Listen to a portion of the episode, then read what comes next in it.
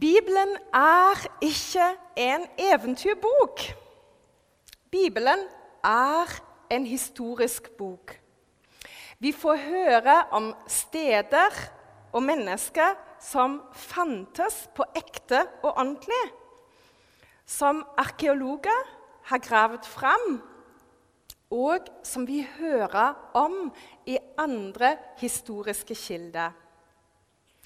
Dagens tekst tar oss med til en fiskerlandsby i nærheten av Genesaretsjøen. Kapernaum heter byen. Og den fantes og finnes på ekte og ordentlig. Jeg har vært der.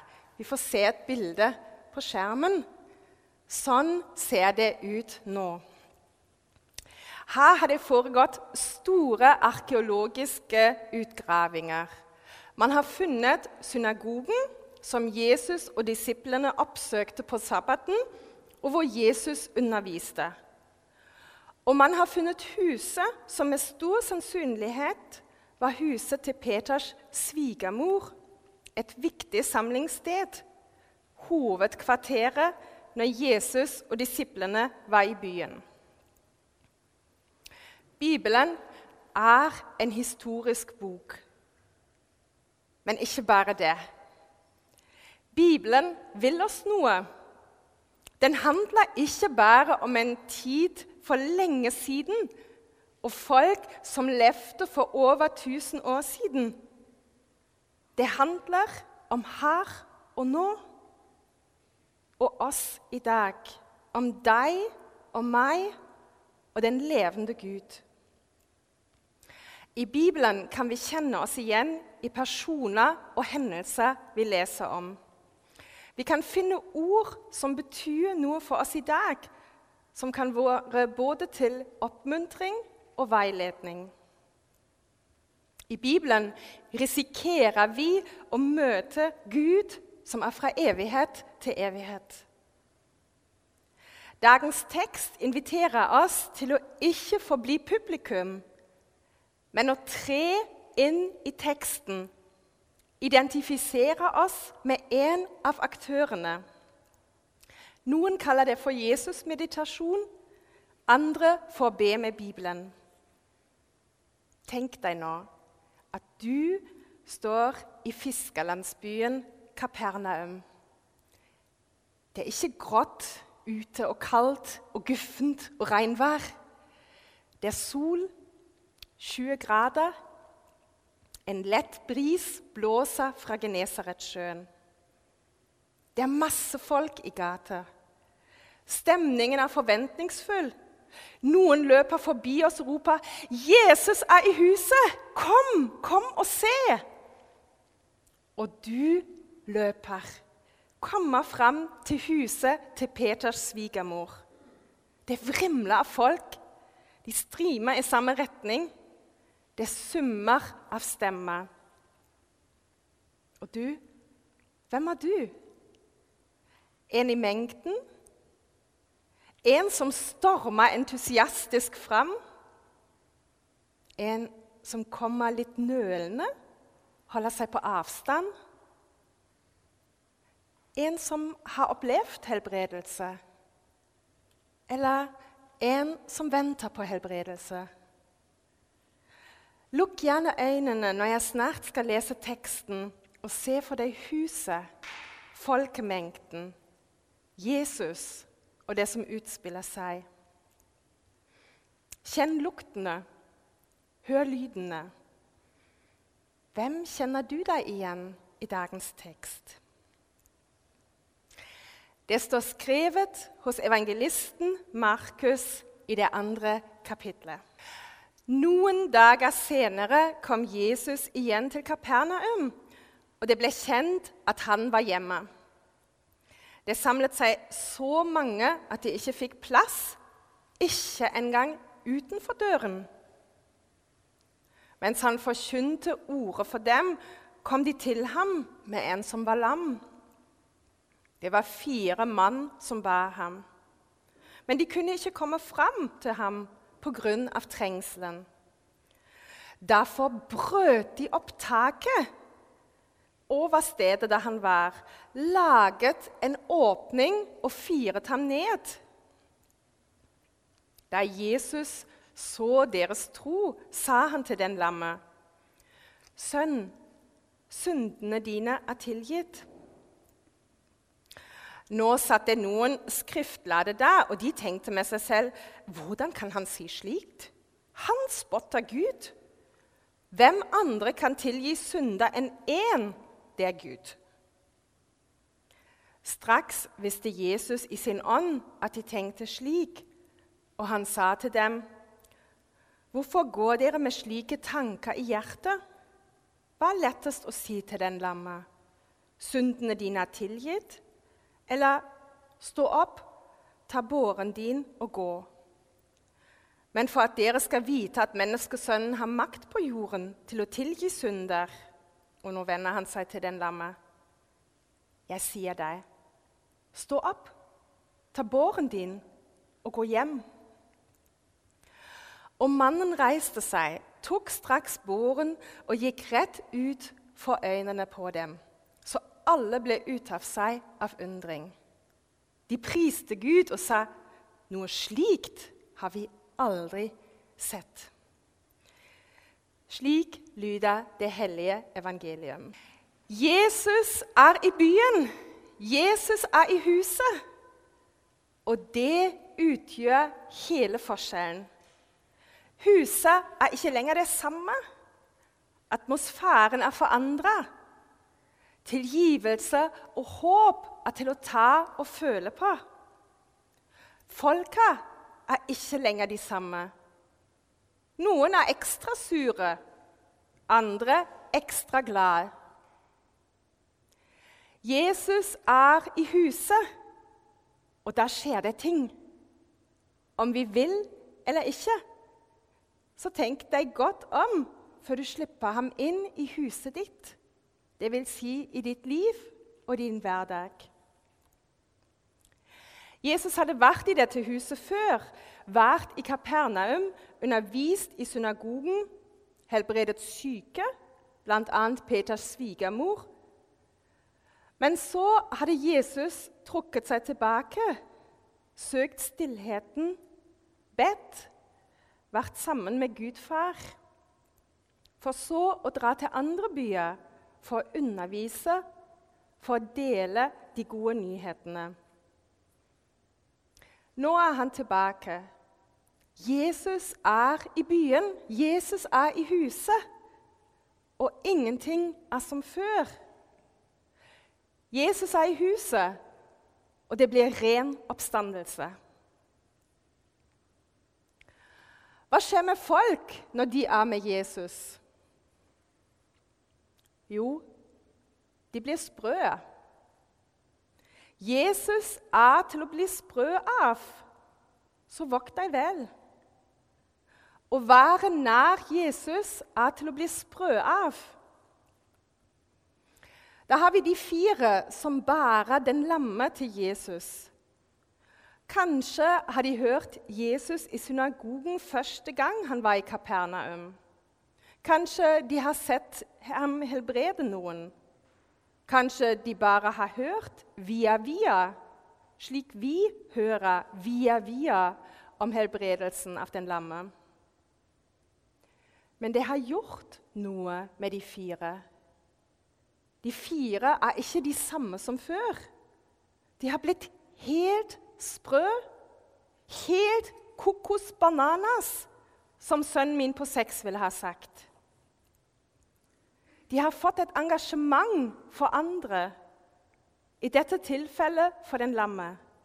En venn, en nabo, en kollega. Vi vet ikke. Det har blitt tent en brann i de fire. De har fått et misjonalt et diakonalt engasjement. Flere må møte denne Jesus. I stedet for bare å tenke på seg og sitt, så har Jesus åpnet deres øyne. De ser mer. De ser de som sliter. De ser de syke. de ensomme. De ser de som lengter, men som ordet Gud er et tomt begrep for. De ser de som føler seg avskåret fra Gud. Det er jo det som synd betyr. Synd betyr ikke synder, feil, noe galt jeg har gjort. Synd betyr å være avskåret fra Gud, uten kontakt. Før var de fire med båren navlebeskuende, mer navlebeskuende. Nå ser de videre, ser andre, Se den lamme. Jesus har gitt de fire et nytt, mykt hjerte. Steinhjertet er fjernet. Det som vi ser når vi ser de fire med båren, de fire som raserer taket, det er kjærlighet på sitt vakreste. Ekte, sprø kjærlighet som, som vi kan kjenne igjen fra da vi var nyforelska. Da du snakket telefonen langt utpå natta med kjæresten din. Da du satt timevis i bilen for å få et glimt av henne av ham. Da du kjøpte den største blomsterbuketten og resten av uka måtte leve på brød og makrell i tomat. Å være nær Jesus er til å bli sprø av. Så sprø at du bryr deg om andre på en måte du ikke har gjort før. Så sprø at du gir en tiende del av inntekten din også i trange tider til de som har enda mindre. Så sprø at du i stedet for egenpleie bruker mange timer som frivillig i kirka for at flere skal møte denne Jesus. Det er sprøtt. Jesus er til å bli sprø av. Så har vi den lamme. For meg den egentlige helten i historien. Han våger å være sårbar. Se for deg hvordan de fire kommer brasende inn hos ham, full av iver til en nyforelsket, for å få ham med til Jesus. Og han blir med. Han lar seg bære. Se for deg hvordan han blir båret gjennom gatene i Kapernaum. Utlevert og avhengig av de fire som bærer, og det de måtte finne på. Kjenn blikkene av alle som ser ned på båren, på deg, den lamme. Tenk å være så utlevert, så hjelpeløs. Kjenn på redselen når de fire drar ham med seg opp på taket, og når han skjønner at han skal fires ned. Kommer det til å gå bra? Kommer han til å dette av båren? Hva kommer huseieren til å si? Hvor høy blir regning for reparasjon av taket? Hvordan kommer de andre til å reagere?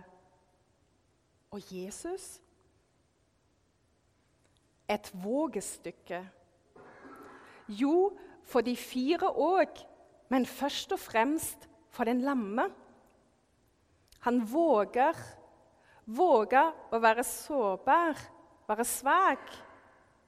Han våger å vise denne sårbarheten til Jesus, legge seg og sitt i Jesu hender. Og han blir møtt. Han som ligger langt nede, får reise seg opp. Han blir frisk på kropp og sjel. Å være nær Jesus er til å bli sprø av. Så sprø at du våger å være sårbar og gjøre deg avhengig av Jesus. Være svak og satse på at denne svakheten kan faktisk bli en mulighet til å erfare Guds kraft. Så har vi de skriftlærde, teologene. Jesus gjør dem sprø. Det han sier, det han gjør, får det ikke til å stemme med det bildet de har av Gud, med det de har lært hvem Gud er. Jesus sprenger deres kategorier, tvinger dem til å tenke om igjen, omstille seg, være åpne. Og det klarer de ikke. De vil det ikke. Egentlig er det de som er lammet, sitter fast i gamle tankemønster. Urørlig, ubevegelig. De klarer ikke å tenke om, tenke nytt. Teologene, de skriftlærde, får ikke ligningen til å gå opp. Fordi Gud passer ikke inn i våre regnestykker. Han sprenger dem. Gud er ikke ulogisk, men mer enn logisk. Det er irriterende og frustrerende. Vi skjønner ikke det med all elendighet i verden og Gud som tilsynelatende ikke griper inn og bare ser på. Mine tanker er ikke deres tanker. Hilsen Gud. Det er til å bli sprø av. La oss se til slutt på hvordan folk reagerer som ser at den lamme reiser seg. I teksten står det de priser Gud og sier noe slikt har vi aldri sett. Å være nær Jesus kan fort føre til hallelujarop i tide og utide. Å være nær Jesus fører til lovsang og tilbedelse. Ikke fordi nå går livet på skinner og problemene er løste. Jeg er sikker på at den dagen den lamme ble friske, var det mange i huset og mange rundt i de andre husene som ikke ble friske. Men allikevel velger folk å takke og prise Gud for det gode han har gjort. Det er sprøtt å synge lovsanger selv om vi sliter og ikke alt er på stell. Det handler ikke om å late som om alt er bra. Det handler om å fokusere det som er godt, midt i det som er vanskelig og krevende. Det handler om å velge perspektiv. Jesus er i byen. Han var i Kapernaum den gangen, og han er her på Sandnes. Jesus er i huset. Han var i huset til Peters svigermor den gangen. Og han er her, i dette huset, i Lyra kirke. Og kanskje han har også tatt inn hos deg privat. Jesus er i byen. Jesus er i huset. Det er en himla forskjell om Jesus er i huset eller ikke. Det er en himla forskjell om vi kan feire jul, det at Gud har tatt bolig iblant oss, blitt en del av oss, eller om det ikke er en del av vår tro og vårt håp. Det er en himla forskjell om Jesus har tatt inn hos deg eller ikke. Om du har sluppet ham inn i ditt liv, i din hverdag, eller om du holder ham utenfor. Det er en himla forskjell å leve livet sitt med Jesus eller uten. Som å gå fra natt til dag. Noe som noen opplever som et brått skifte, andre derimot som en glidende overgang. Uten at de kan si når det ble lyst, men at det ble lysere. Jesus er i huset, og der blir det oppstandelse. Da brenner vi for å fremme rettferdighet, for å hjelpe de som sliter, for å ta andre med til Jesus. Da våger vi å være sårbare. Da forventer vi lite av oss selv og alt av Jesus. Da irriterer vi oss over Gud og hans uberegnelighet. Da synger vi sanger om verdens lys når året er på det mørkeste. Å være nær Jesus er til å bli sprø av. Tør du? Og Guds fred, som overgår all forstand, skal bevare deres hjerte og tanker i Kristus Jesus. Amen.